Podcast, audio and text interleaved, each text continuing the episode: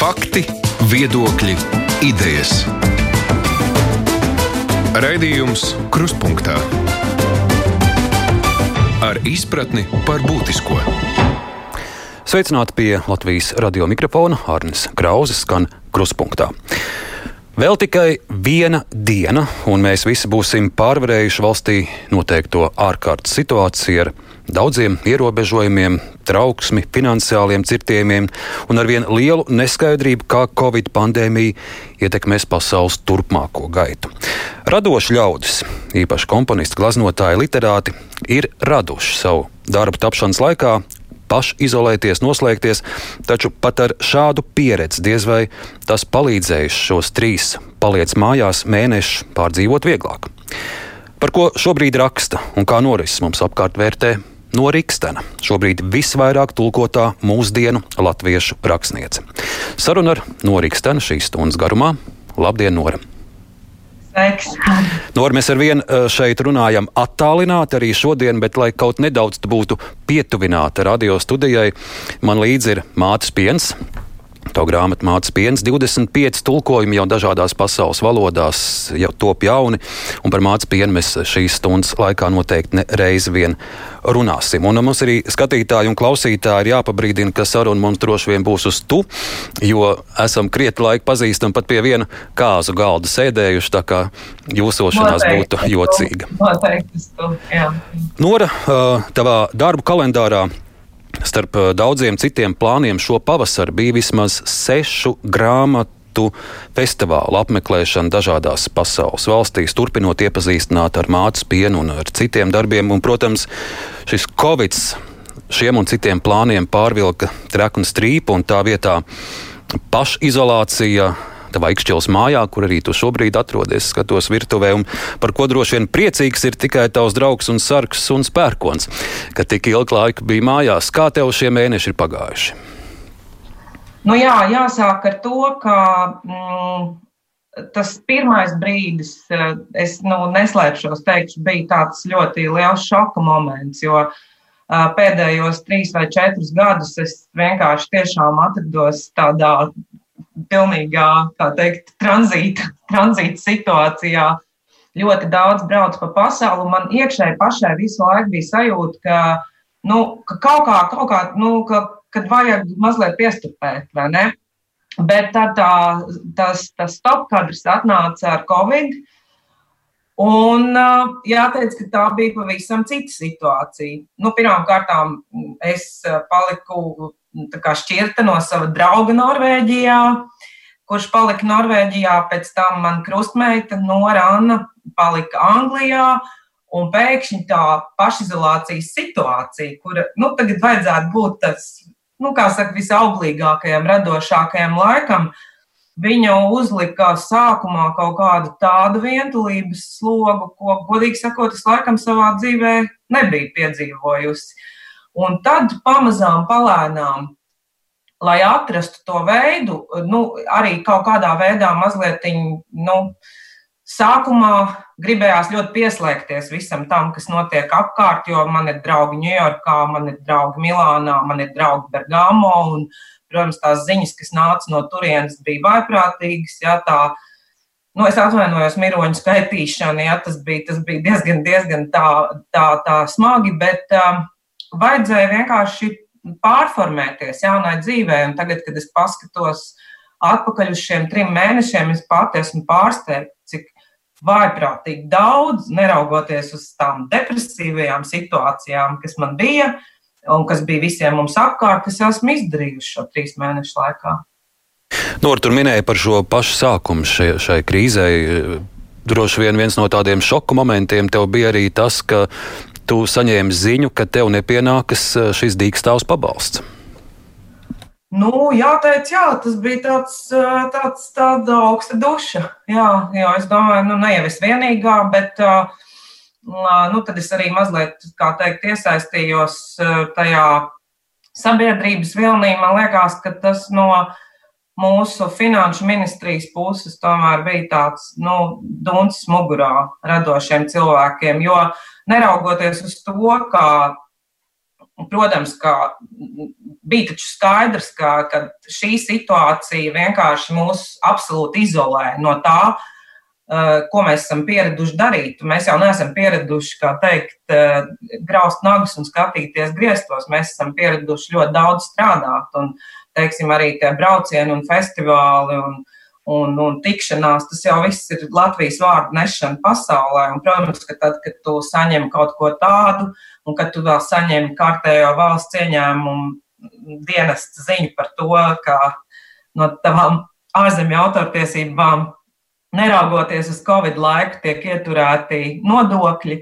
Nu, tas viss kopā, teiksim tā, tas bija, tā, tās bija tādas divējādas sajūtas, jo es, es raudzījos, kā uh, es gribu pieminēt divas sievietes, uh, mūsu ministri uh, Viņķēlis kundzi un Lienu Cipuli, kas man liekas, nu, it īpaši Lienu Cipuli, kas man liekas uz saviem pleciem iznes visu to, to, to, to, to slimības gaitas smagumu bet eh, tas, kā reaģēja teiksim, finanšu institūcijas, it īpaši pret radošiem cilvēkiem, nu, neteiksim, ka tas tur tās mielas ilgi nevajag turēt, bet nu, tas, tā, tas, eh, tas nebija pareizi patiešām.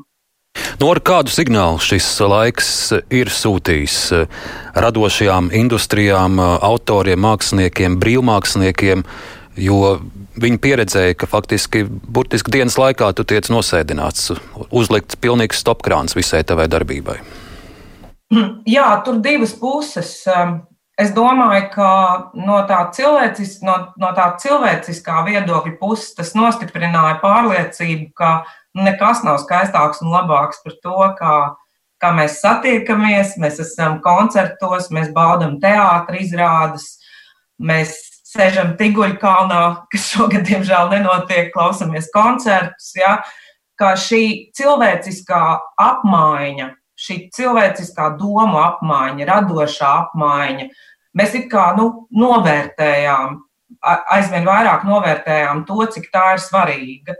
Tā ir tā viena puse, un tā otra puse ir tā, ka, nu jā, kā būtībā, kā radošās industrijas nu, šādā režīmā, es domāju, pusgadu laikā izbeigtos. Jo, protams, visas šīs jaunās tehnoloģijas, un mēs ar tevi vēl pagājušajā gadā staigājām pa Tiguļu kalnu, kad tika ierakstīta dziesma mīlestības jūra. Uh, vienkārši tā nav. Uh, mm, Tas nav, tas nav ne radoši, ne auglīgi. Mēs visam, kam varam piemēroties un pieslēgties, bet tas, tas nav tas, kas nes šo radošo garu. Uh, Un to mēs arī esam sapratuši šajā laikā. No nu, otras puses ir šī finansiālā puse, kur uh, tieši radošās industrijas bija pirmās, kas šo sitienu saņēma, ka jums, daudziem no jums nekas nepienāks. Jā, un tas bija, tas bija tāds, jā, tas bija jā, vienkārši tāda, nu, uh, tāda, teiksim tā, es varbūt tam aizvainojumam, nu, tam pirmajam smagajam aizvainojumam esmu tikus pāri, bet no otras puses domāju, nu, Es varbūt tur tā skarbi tajā kultūras šokā izteicos par to, ka tiešām, nu, ko tad finanšu ministrijas ierēģi darīs, ja, ja šīs radošās industrijas izbeigsies, kā viņi pavadīs savu laiku pēc tam, kad Covid beigsies, vai viņi lasīs savas finanšu atskaites un ar to viņi, kā teikt, būs. Jo daudzi no šiem ierēģiem un daudzi no šiem politiķiem ir pirmajās rindās vienmēr visās pirmizrādēs un, un, var sakot, grozās ar šampaniešu glāzi rokā. Jā, viņiem ļoti patīk tur, kā teikt, pabūt radošajā vidē. Bet tad, kad šī radošā vide bija nu, reāli jādod tā, tā atbalsta roka, jā, tad vienkārši tad mēs saņēmām pigu. Jā, Te arī Nori jāpaskaidro, ka šis jau nebija stāsts, kur tu cīnīties par kādu papildu eiro centu sev. Tu runāji par to, ka bija šī atgādnā situācija, ka pat ja kāds um, mākslinieks vai aktieris vai literāts saņem autora atlīdzībās 10 eiro gadā, viņš vairs nevar pretendēt uz šo dīkstāvus pabalstu. Un tādi cilvēki ir daudz arī uh, senioru vecumā. Tieši tā, jo, teiksim, nu, e, es pat varētu teikt, ka es tad varētu būt, kā teikt, tur ekskluzīvi izolējusies zem savu ozolu, un, un, un tomēr, nu, man, man, ir, man ir kaut kāds, kā saka, konteksts jau, kas ir, kas ir ārzemēs. nopelnītā nauda, bet es runāju tieši arī par to, par, par, par amata brāļiem un māsām, kuriem ir ļoti, ļoti grūti laiki. Un man liekas, ka šis nebija tas laiks, kad valsts drīkstēja tā, kā saka, nu, tā, tā rīkoties. Kaut gan kultūras ministrija darīja, ko varēja, bet es saprotu, ka tur tas lielākais, lielākais šķērslis bija finanšu ministrija. Es to vairāk kārt esmu pieminējusi. Jo... Nu, taisnības uz... labad arī jāsaka, ka pēc tam jau viņi dažus no šiem soļiem un lēmumiem mainīja, un tā, tā piekāpšanās pēc tam sekoja. Mm -hmm. Nora, tu, tu jau pieminēji uh, veselības ministru Viņķeli un uh, ātrās palīdzības dienestu vadītāju Lienu Cipulu kopumā. Kā tu vērtē, kā, kā valdība, kā parlaments, varbūt arī kā prezidents uh, uh, palīdzēja, vai ko darīja, vai kā iesaistījās, kā rīkojās uh, šos trīs mēnešus šīs krīzes laikā? Nu, es gribētu teikt, ka, manuprāt, ka mēs šo krīzi kaut kā tomēr izgājām ar lielu cieņu un godu. Un, uh, tas visi tie soļi, kas tika spērti, tie bija absolūti laikā un pareizi, lai arī tie nebija viegli lēmumi. Ne, nu, teiksim, nu, tos, tos, tos īstos spēka vārdus es tiešām dzirdēju no šīm divām sievietēm. Um, es domāju, ka Karina kungs darīja visu, ko, ko, ko, ko, ko viņš varēja šādos apstākļos, un arī ar tādu, kā saka, ar bez sejas zaudēšanas. Es varu iedomāties, cik tas bija smagi. Uh, arī, arī Levit, prezidents Levits vienkārši nu, deva to kaut kā to, de, deva savu ieguldījumu. Un, un, nu, varbūt, varbūt man būtu gribējies dzirdēt vairāk no viņa kaut kādas tādas spēka vārdus tautai, jo tie spēka vārdi bija ļoti vajadzīgi. Bet atkal tajā vienkāršā komunikācijas līmenī man liekas, bija jauki tas, ka vien cilvēki viens otram deva tos spēku vārdus. Arī mm, ar dziesmām tāpat, vai ne? Tas, tas, tas, tas tie tautas stērpi 4.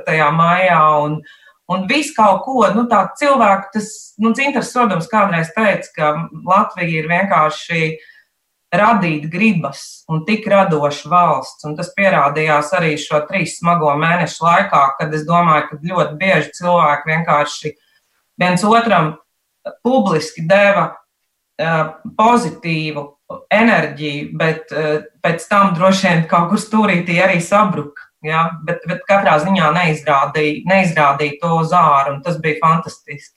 Nu, daudz arī no malas uzteica mūsu sabiedrības pašdisciplīnu, sevišķi pirmajos mēnešos, kas palīdzēja mums noturēt šo covid krietni, krietni zemākā līmenī nekā citās valstīs, un arī ārvalstu presse mūs ir uzteikusi.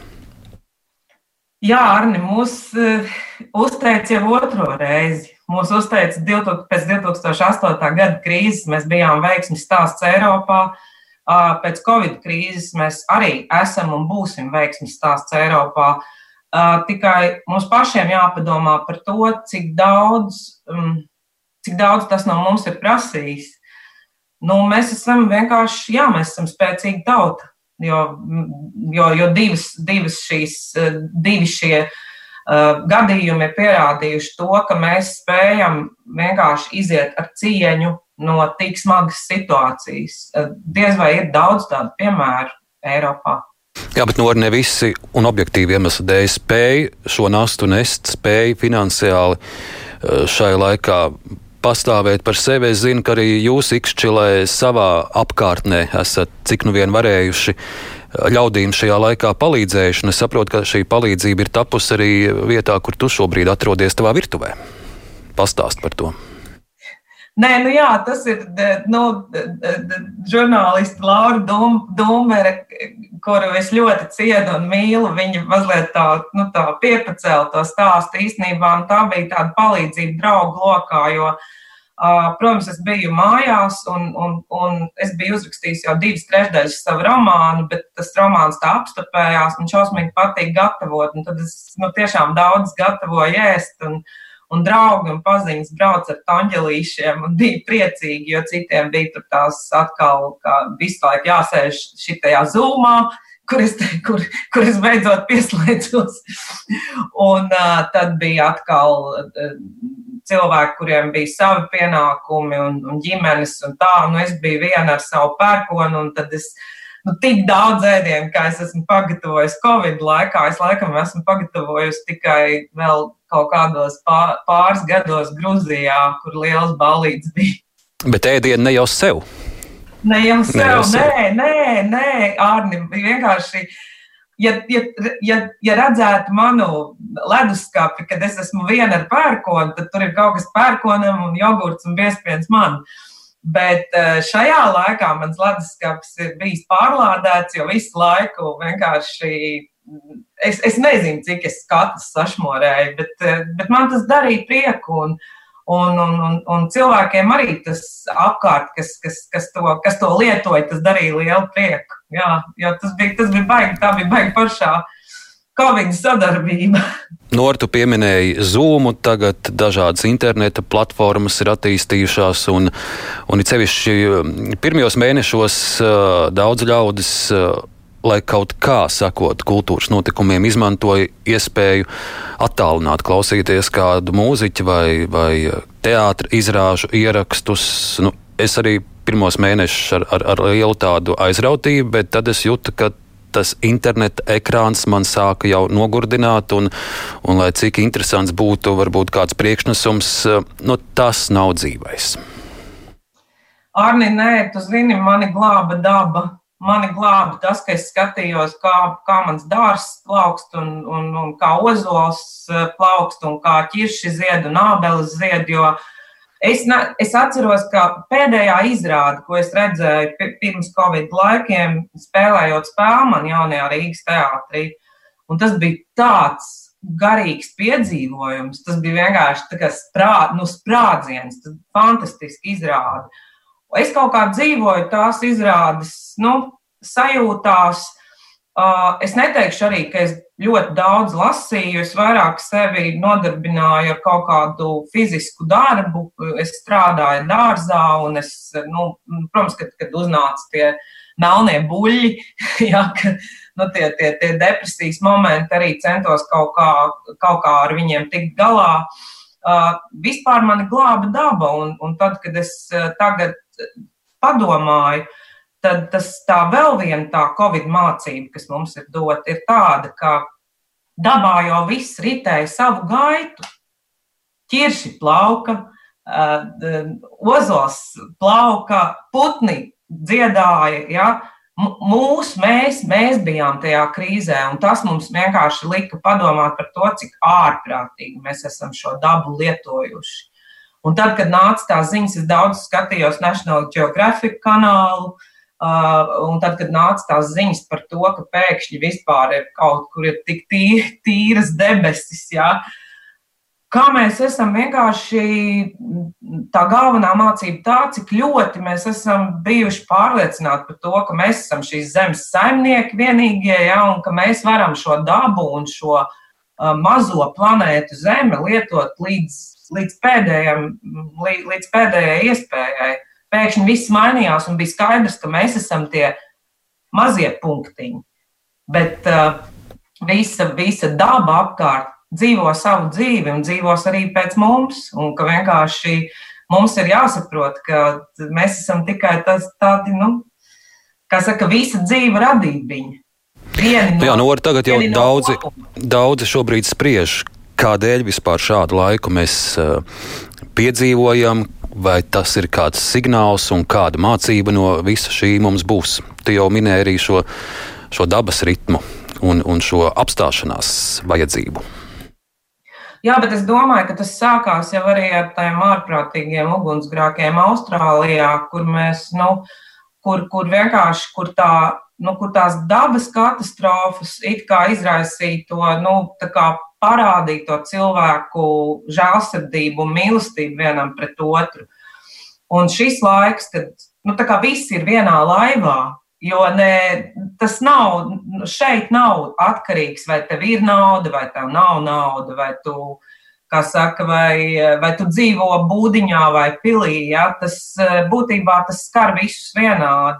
Un man liekas, tas nu, equality, ja, kas, ir, kas ir tā, nu, nevis nonivelēšana, bet tā, nu, nu, tā brālības vai māsības sajūta. Man liekas, tā, tā, tā, tas bija tas, kas, kas pēkšņi tā kā tāds, nu, tā tāda bumba būtībā uzsprāga ar labu enerģiju un parādīja. Protams, ne, ne, nu, protams, zinot arī to, ka mēs tos īstos Covid stāstus dzirdēsim vēl tikai tad, kad tas viss beigsies, un, un tie nebūs arī tie nebūs tie laimīgākie stāsti. Nu, Orti jau minēja, ka arī tev šie, kā teica, ja, melnie buļļi dažbrīd uznāca virsū un, un tādi varbūt eh, iekritieni, bet, eh, bet es, es zinu, ka pat neviens Covid nespēja apturēt, piemēram, tavu radošo sadarbību ar Raimonu Tigulu, un arī šajā Covid laikā ir, ir tapuši vairāk kopdarbi. Protams, jūsu kulminācija ir dodieviņa, bet eh, jūsu sadarbība turpinās. Jā, mēs ar, nu, tas bija sākums, kad Raimons arī mēs sazvanījāmies. Viņš arī, protams, bija, kā saka, nu, tādā pārdomu situācijā. Es uzrakstīju dzējoli, atnākšu pie sevis. Un uh, Raimons uzrakstīja mūziku. Un, uh, un tad Māris Sirmais mēģināja to ierakstīt, nu, tā kā attālināti. Bet tad viņš saprata, ka tas nestrādā. Un tad sagaidīja to brīdi, kad jau tā teikt, kad, kad jau var sanākt vairāk cilvēku kopā, un tagad ir tapis mm, akadēmiskā kora Latvijas ieraksts, dziesma, brīnišķīga tāda liriska kora dziesma, un, un, un taps arī video. Es varbūt mēģināšu uzlikt mazu, mazu gabaliņu, ja, ja man izdosies. Nu, pamēģinam.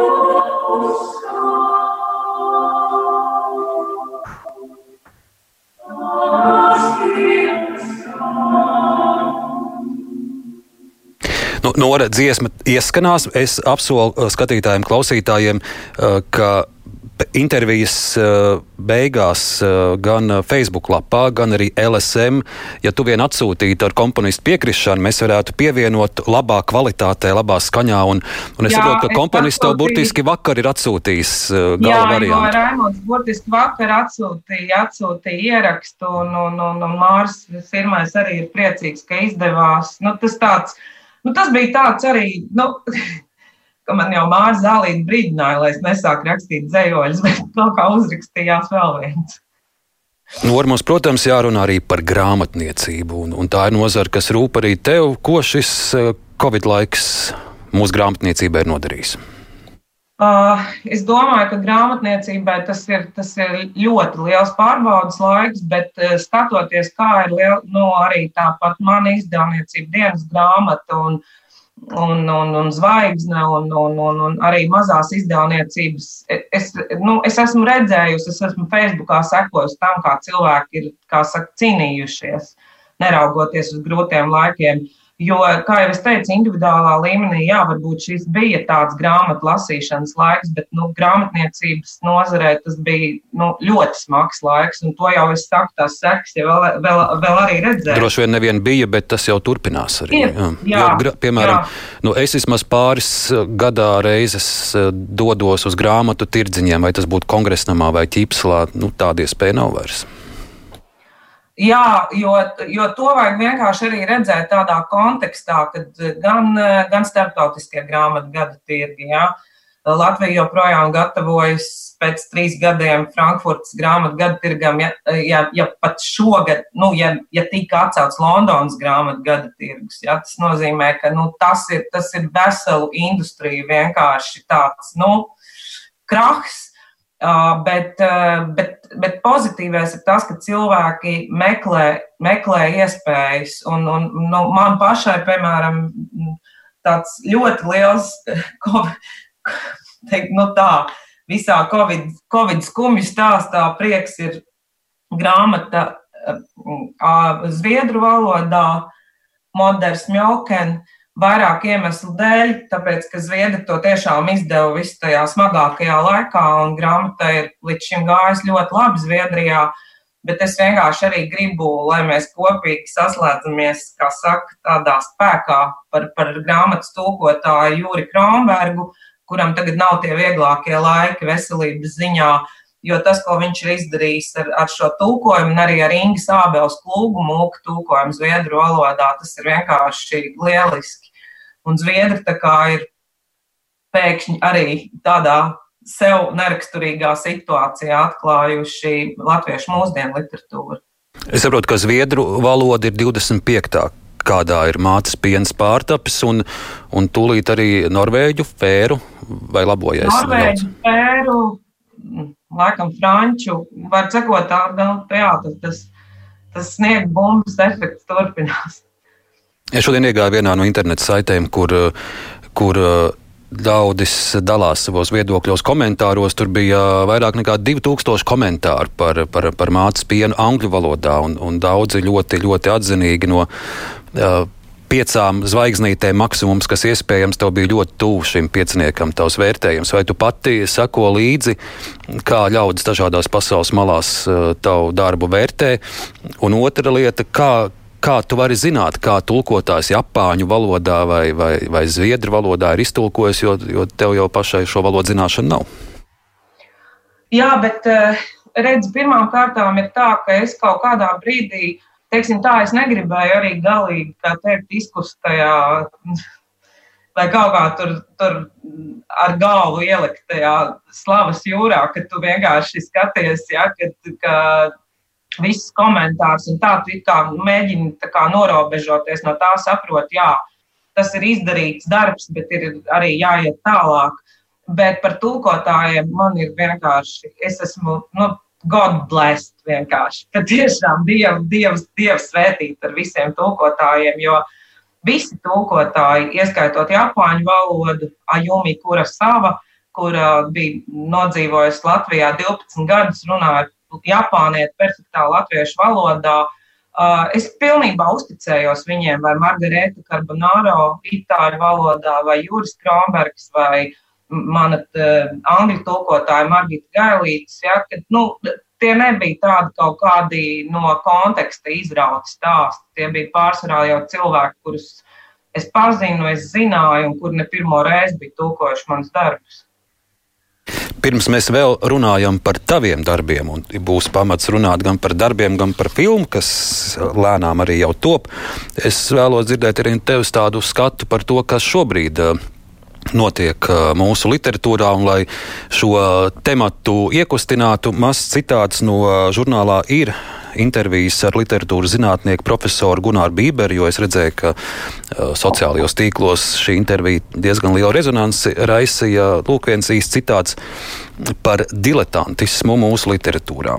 Viss savējais tiek vērtēts kā ekskluzīvs un izcils, īpaši mūsdienu latviešu literatūrā. Viss, ko es un tu dari, ir izcils, jo mēs esam draugi savējie. Cits citu paslavējam, recenzējam, šo skaisto pārliecību uztur arī kultūras raidījumi, recenzijas presē, kultūras notikumu reklāma un ļoti uzbāzīgs mārketings. Diletantismu raksturo pieticīga apdāvinātība, izglītības un sagatavotības trūkums un sakāpināta autora pašapziņa un vēl pavisam īsi Personiski man liela trauma bija kultūra devas raidījums, kurā kā rakstniece bija uzaicināta Džilingera sastā sieva, kas rakstījusi apšaubām satura un stila grāmatu. To pat sauc par romānu, tātad tā tiek uzskatīta par literatūru. Tiešām tā veicā profesors Bībers. Es nelūgšu tev viņu komentēt, viņa vārdi ir paši par sevi, bet tavs skats uz to, kas mūsu literatūrā šobrīd notiek un kas, kas tad nonāk priekšplānā. Es domāju, ka ir divas traumas. Viena trauma ir tā, kas ir fantastiska mūsdienu latviešu literatūra, es domāju, ka Gunārs Bībers šeit vairāk, kuru es ļoti cienu, un kur, kura dēļ es īstenībā neatbildot pareizi uz jautājumu par Andreju Upīšu romānu Zīdu tīklā, bet pateicoties viņa attieksmei un siltajām acīm iekļuvu filoloģijas fakultātē. Tā kā paldies Gunāram Bīberam! Uh, Bet ir divas traumas. Ir viena ļoti laba Eiropas līmeņa augsta literatūra, gan dzēja, gan proza. tikko ir iznācis Andra Zēbota romāns par Jānu Ziemeļnieku jaunajā sērijā. Mēs sagaidīsim fantastiskus romānus par rakstniekiem uh, sērijā, kas, nu, kas turpina, kā mēs 20. gadsimtu. Mums ir izcili dzēnieki, mums ir Inga Gaila, mums ir uh, Kārlis Vērtiņš, mums ir joprojām Ulris Bērziņš, Juris Kronbergs. Gundaga repše un tā tālāk. Gundaga repše, Māra Zālīte. Mums ir vienkārši izcilas, augstas raudzes mūsdienu, Eiropas, pasaules līmeņa literatūra. Ir blakus traume, kur Džilingera tur, es atvainojos, 7, 8 sieva raksta savus memoārus vai kāds. Es uzskatu, ka cilvēkiem ir jādod iespēja izvēlēties. Ir cilvēki, kur, piemēram, domā, jā, nu, ka tā būs laba, vienkārši būs vanna, būs šampanietis un palasīs, kā tad Džilingers sestajai sievai ir gājis. Nu, mēs jau viņiem nevaram pārmest. Bet tas, ka mums eksistē un ir pat labam vienkārši latviešu un baltiešu literatūra ir Eiropas, kā teikt, topā. To mēs nevaram noliegt. To mēs redzam pēc tulkojuma skaita. Un, eh, tā teikt, nu labi, nu es tur varbūt esmu tāds, kā saka, tvaiku bānīts, kas tur, kas, kas tur čunčinās. Tā ir iznācis vienkārši ar to, ar to mācu pienu, bišķi pa priekšu, bet būtībā ir tik daudz tulkojumu. Osvalds Zebrs ir tik daudz tulkots, Arno Junz ir jau tik daudz tulkots. Inga Ābele ir tik daudz tulkota, Gunda Grepša, Māras Zalīts panākumi ar pieciem pirkstiem. Tā kā nu, mums nav, nu, mēs jau neesam mega nācija. Mēs, ja mēs saskaitītu to, teiksim, kaut kādas lielākas nācijas kontekstos, ja, tad, nu, jā, mēs varētu tiešām uz pleca, ka mēs esam labi pastrādājuši. Nu, un labi, un ja tu redzi, ka no tās otrās traumas, kuras tu minēji, kad ir grāmatu iknedēļas topi, un ka tur tā otrā strauma pirmās piecas pozīcijas aizņem. Kā, kā tad tu skaties? Bet, zini, Arni, tas jau, tas jau mainās, jo, piemēram, nu, mēs 20. gadsimta grāmatas, kad tās iznāca, arī bija topos. Vienkārši es domāju, ka šis ir tāds laiks, kad nu, tā īsti tādi, nu, kā saka, īsti radoši cilvēki, ka viņi arī grib paklusēt, ka viņi negrib uzreiz, kā teikt, aprakstīt to, kas notiek un, un likt plauktā. Ja? Uh, nu, tad, ir, tad, ir, tad ir šādi memoāri, kādi viņi ir. Un, nu, kas, kas tur ko pārmest? Es vienkārši domāju, ka katram, katrs ir. Um, nu, man, piemēram, arī nu, nu, man, man rievis diletantisms, jebkurā sfērā. Vai tā būtu ēst taisīšana, vai tā būtu grāmatu rakstīšana, vai mūzikas rakstīšana. Bet uh, nu, tas ir, tā ir mana izvēle. Ja? Un es, un tāpēc es izvēlos lietas, kas, eh, kas man ir tuvas un kas man patīk. Un, eh, kā mēs esam redzējuši šo, nu, šo gadu laikā, eh, tāpat ar romāniem, un arī ar dzēju, kā, ar milzīgajiem, pilniem biblioteka apmeklējumiem, ka ir daudz cilvēku Latvijā, kur tomēr nu, atšķirt diletantismu no, no, no, no tādas īstas raudzes lietas, īstas drēbes, kā teikt, Jānis Rokpelns. Mēs šodien runāsim nevien par grāmatām, bet arī par kino. Par to jau pēc īsa brīža sarunas turpinājums ar Norikstenu. Raidījums Krustpunktā. Nu, tev šajā tumšajā Covid laikā atnāca viena ļoti gaiša ziņa, ka ir saņemts atbalsts filmas projektam. Tās filma taps pēc tava romāna mātes pienas motīviem, režisora Ināra Kolmana, scenārija autors Arvis Kolmans. Ļoti ilgi gaidīta ziņa, jo es saprotu, ka pašā sākumā finansējums tika atteikts un tas ceļš līdz tapa nu pat pirmais video pieteikums bija, bija garš un ilgi gaidīts. Nu, jā, nebija rozēm kaisīts, bet uh, es domāju, ka tās, nu, tās īstās lietas pasaulē notiek tieši tā, ka nav tas nav tas, nav tas gludais ceļš, bet es esmu. Mana doma bija, ka šai filmai ir jātop Latvijā un ka tā ir jāaiziet pasaulē kā latviešu filmai. Nevis, teiksim, kā tā ir kāda ārzemju kompānija, kas nopērk tiesības uztaisīt šo filmu. Tāpatās kā es šo grāmatu uzrakstīju latviešu valodā, un tāpēc, ka es to uzrakstīju latviešu valodā, tāpēc tā vienkārši ir aizgājis pasaulē, kā latviešu grāmata. Tieši tāpat ir ar filmu. Un par Ināru un Arvi, es varu teikt, ka ar Ināru mēs esam vienkārši pur, purvus izbridušas. Mēs esam div, vairāk kā 20 gadus uh, intervējuši ļoti daudzus latviešu rakstniekus, ciklam rakstnieku stūplānā, sākot ar mūsu vecajiem grandiem, kā Miervalds Birze un, un uh, Zigmunds Kuiņš un Imants Ziedonis, un beidzot ar, ar, ar kā saka, jaunāko paudzi. Uh, un, un esam braukuši uz Ņujorku, intervējuši Sodumu un, un, un, un Saliņu un Jānu Krēsliņu. Un tā ir nu, kaut kāda tāda, tas ir tāds, nu, tas ir tāds uh, dzīves laika darbs, kurš tagad ir, uh, kā, kā saka, rezultējies mātes pienā un uh, filmā.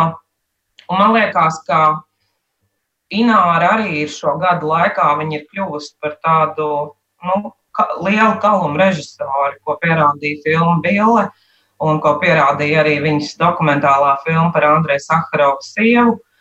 Uh, es viņai pilnībā uzticos, un, un, un arī nu, es jau laikam to kaut kur minēju, ka aktieru izvēle Maija Doveika, es viņu personiski nepazīstu. Man liekas, ka viņi ir vienkārši lieliski šajā fragmentā. Un rūta jau vispār mums ir, kā teikt, atsevišķs stāsts. Tiem klausītājiem, skatītājiem, kur nezina, Rūta ir arī tā meitene, kas uh, Billē bija galvenajā lomā, un Rūta ir Daina Ivāna mazmeita. Un es saprotu, tev ir arī kāds stāsts, uh, kā tu viņu satiki un, un, un kā viņa nokļuva līdz filmai. Jā, tas bija tāds stāsts. Es atceros, ka nu, mēs filmējām ar Andreju Verhostīnski dokumentālo filmu par uh, Dainu Ivānu. Un nedēļas nogals pavadījām Īvānu mājās, tur bija viņa mazmeita Rūta Kraumberga. Un mums ar Rūtu bija jāguļ vienā istabā pa nakti. Un tad Rūta man tā neļāva vienkārši aizmigt pēc filmēšanas dienas. Man bija jālasa viņai pasakas priekšā. Man, nu, viņa vienkārši nu, viņa bija tik foršs puķis, nu, nu, tik forša meitene. Un tad, kad Ināra nevarēja atrast bildes lomā kādu tēlotāju, es teicu, es, liekas, zinu, kuri, kura varētu būt mazā bille. Es sazvanīju Rūtas māmu, un viņa Rūtu aizved uz provēm. Bet Ināra nezināja, ka tā ir tā meitene, par ko es runāju. Un momentā notikās tas stāsts, un tagad Rūta ir uh, mātes pienā. Tas arī nav tāds, nu, tas nav tāds izdomāts stāsts. Tas ir kā no dzīves nācis stāsts. Nora, tu jau vairāk kārt esi pieminējis arī dzintaru sodumu, tev svarīgs cilvēks, un viņam arī tu biji ļoti svarīgs cilvēks, sevišķi mūža nogalē. Uh, arī visā šajā Covid laikā tāda cerīga ziņa, ka uh, dzintars soduma balva tomēr tika pasniegta. Šī tradīcija tika turpināta, turklāt nevis caur zūmiem vai vēl kaut kā, bet uh, tas bija tāds kā viens no pirmajiem klātienes pasākumiem, protams, ar visu distancēšanos, bet arī ar, arī ar uh, asarām acīs. Nu, tā bija gan, un, un, un prieks, ka Zinters pamanījās piedzimt 13. maijā, jo tā bija pirmā diena, kad vispār drīkstēja kaut kādu pasākumu, un, un ikšķilieši un mūsu, kā es saku, ikšķilas kultūras ministra Dats Jansoni, tas bija fantastiski, jo mēs tiešām mēs bijām, nu, atļautais skaits cilvēku zālē, ar, uh, un turklāt balvas saņēmējs Viktors Freibergs. Tas, bija, tas, tas ir, man liekas, ka tā ir tieši tāda grāmata, kas, kas tik ļoti raksturo šo laiku, cīņu ar sevi, kaut kādu veidu mēģināt pastāvēt arī tādos ļoti ekstremālos apstākļos. Uh, Un, eh, kā jau arī Rāls Dabravenskis teica, ka mm, mm, televīzijas rādījumā, ka mēs vienkārši, tā, kad Artūrs Hansons pateica vārdu Viktors Freibergs, mēs vienkārši visi aplaudējām. Tas bija ļoti aizkustinošs pasākums, tiešām. Tas bija, tas bija tā, es domāju, tas bija tāds intercienīgi. Nu, var, nu, jau mēs kādu krietni laiku būsim eh, virtuāli pastaigājuši pa uh, kultūras rondo kolēģu dārziņu. Šis ir kruspunktā raidījums, tādēļ mums ir jāpiemina arī politiskās lietas, viss tas, kas mūsu ikdienā un ziņās notiek mums apkārt. Es strauji mainīšu tematu un vaicāšu, ko tu domā par visu to, kas pēdējās nedēļās notiek Amerikā. Protesti, policijas darba vērtēšana un šis protestu vilnis jau, jau, jau daudz vietā pasaulē ir pārsviedies arī Eiropā. Uh, Nē, nu es domāju, ka Amerika pārdzīvo ļoti grūtus laikus kopš, kopš viņa prezidents ir Donalds Trumps. Un, un cilvēki vienkārši, es domāju, ka nu, it īpaši kaut kādās šādās, kā teikt, ekstremālās situācijās cilvēki vēl vairāk saprot to, ka viņi nav izdarījuši pareizo izvēli. Un, un viņiem, vienkārši, viņiem vienkārši jādomā ar galvu nākamajās vēlēšanās. Uh, jo, protams, ka divi, divi, divi lielākie, kā teikt, nu, tādi pasaules vispār kontekstā politiskās vilšanās stāsti bija mm, Brexits un Trumps. Man personīgi arī. Uh, un es domāju, ka vienkārši ar to atvilni cilvēki ir sapratuši, ka viņi varbūt ir kaut ko darījuši ar karstu galvu tikai tāpēc, ka viņiem nu, kaut kas tajā brīdī nav licies pareizi. Jo es vispār Ameriku kopumā mīlu kā, kā, kā, kā brīvu zemi. Es esmu dzīvojis Ņujorkā gadu. Un, un, un, un, un, protams, es zinu arī vidus, vidus Amerikas teikt, sajūtu par to, kā, kā tur ir dzīve un cik viss ir vienalga un, un tam līdzīgi. Bet es domāju, ka šis Covid laiks īstenībā izbirstēs smadzenes daudziem vēlētājiem. Nu, ja es paraugos brīvā mikrofona e-pastā, ko, ko dažkārt ļaudis raksta, mm, tur jau ir diezgan liels šaubas arī, ka tas viss stāsts par rasismu ir eh, izgudrots un, un, un tie ir demokrāti, kur ir sakūdījuši mm, uz protestiem, un tie, kas protestē, tie ir tādi prasti laupītāji. Un, un par šo rasismu runājot, tu, tu jau pat minēji, tu esi krietni laika arī pat Amerikā dzīvojis. Tu, tu viņu arī ikdienā jūti, redzēji. Uh, es teikšu tā, es, uh, uh, es vienmēr esmu jutusi, nu, teiksim tā, Ņujorkā dzīvojot, principā, nu, kā, ja tev ir baltāda, tu, tu tā kā esi mazākumā, ja? Jo, jo tur ir, tur ir it kā tāds, nu, tāds, nu, Ņujorka ir kaut kā sajaukusies, un tur cilvēki ir ļoti demokrātiski un brīvi domājoši. Bet es domāju, ka tajās Amerikas vietās joprojām, kur uh, kur cilvēki dzīvo tajās vecajās pārliecībās par to, jā, kāda būtu bijusi pareiza dzīve, gan rasisms, gan attieksme pret, nu, kas, starp citu, attiecas arī uz Latviju, pret citādu seksuālu orientāciju un, un, un vispār pret citādību. Ja. Es vienmēr pret to esmu ļoti cīnījusies, tāpēc ka man tas vienkārši liekas, nu, tik, nu, kā saka, nu, tā kā it kā tas neatiecas uz mani, bet man tas skar personiski. Tāpēc es uzskatu, ka uh, ir, ir, ir jādod cilvēkiem brīvība izvēlēties. Un tas, kā mēs esam piedzimuši ar tādu vai tādu ādas krāsu, tas galīgi mēs, mēs, mēs, mēs nedrīkstam pēc tā šķirot cilvēkus. Tā, mēs nedrīkstam arī šķirot cilvēkus pēc viņu seksuālās orientācijas. Jo, Viņi visi ir pelnījuši laimi tādu, kā viņi vēlas šajā pasaulē. Uh, Un, nu, un īstenībā, ja mēs savalkam to kopā, tad nu, varbūt tagad nav īstais īsti laiks par to runāt, bet es domāju, ka Latvijas sabiedrība joprojām arī ir ļoti konservatīva sabiedrība. Un, un, un citādam šeit atrasties, un citādākam šeit, šeit būt, nav viegli. Galu galā Andrēs Žagars, kā teikt, tā arī aizgāja viņa saulē.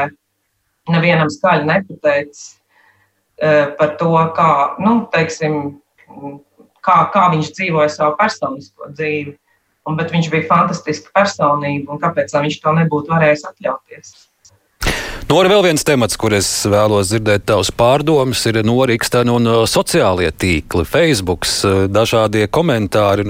Es atminu, prezidents Levits teica, ka vērtējot kas dažkārt tiek ierakstīts, ka tās ir tādas kā demokrātijas putas, ka, ka ir šī vārda brīvība, bet, um, bet lūk, ir arī, ir arī šādas blaknes. Tava pieredze ar, ar, ar, ar sociālajiem tīkliem nu, arī ir bijusi dažāda. Ir bijusi nezinu, tāda kā apsvilināšanās, varbūt uh, pirms pāris gadiem. Nu, es nezinu, cik tu pati gribi detaļās stāstīt, bet, bet bija arī viens ieraksts, pēc kur tu teici, tagad uz kādu brīdi ņemu pauzi no interneta. Kā, kāda ir šī tava pieredze? Jo ko tik tur tagad nevar izlasīt?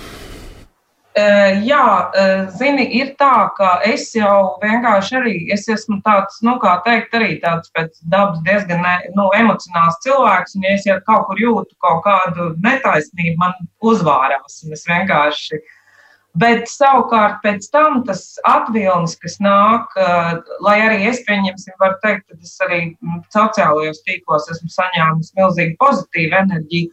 Tu vienkārši it kā jūties ierauts tajā, kā saka, tu, tu vāries tajā zupā, nezinu, kaut kādā tur tādā milzīgā katlā. Ja?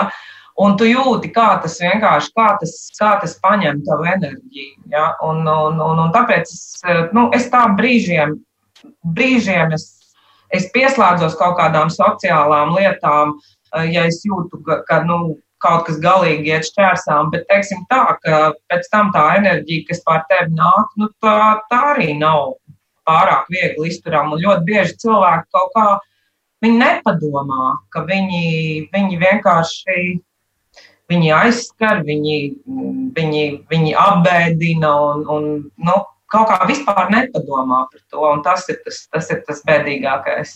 Man bēdīgākais, bēdīgākie brīži bija tajos uh, laikā, kad bija piemēram eh, preses konferences, un paralēli LSM arī gāja komentāri iespēja Facebookā, ka es tur paskatījos, ko dažs labs cilvēks kādas jēlības un rūpības raksta, un es interesi pēc, nu, kas tas ir. Tagad jau var uzklikšķināt un pārbaudīt. Un cilvēki pat teiksim, divām augstākām izglītībām, vecmāmiņa ar trīs mazbērniem fotografijā, bet nu, nu, pat, tas pat nebija tirgus sievas līmenī. Tur bieži vien bija nu, vienkārši ārprāts, ko tur varēja un var lasīt joprojām. Jā, tu zini, Arni, man ir ļoti, nu, tāds lab, ļoti brīnišķīgs draugu pāris ērgļos. Un viņi, nu, mēs, mēs tiešām labi, nu, mēs esam tiešām labi draugi. Viņi man kādreiz tā, es atceros, smejoties, mēs sēdējām uh, sēdējām, dzērām vīnu. Viņa teica, nu, Nori, ja palasītu, ja kādreiz palasītu to, ko par tevi īku brīdim raksta sociālajos tīklos, nu, tad tevi nevar laist pār slieksni. Un, un es domāju, ka vienkārši. Nē, man ir grūti iedomāties, ka es, piemēram, ar savu kaut kādu anonīmu vārdu uh, rakstu par cilvēkiem, par ko es neko nezinu. Bet acīm redzot, ir kaut kāds, nu, ir kaut, kāds, kaut kāda psihoterapijas uh, sadaļa, ko mēs neesam oficializējuši, ja, kas cilvēkiem atļauj nolaist laiku. Ka viņi ieliek to pļācku internetā, un viņiem nāk dienas turpmākā gaita tā kā vieglāk, laikam ir.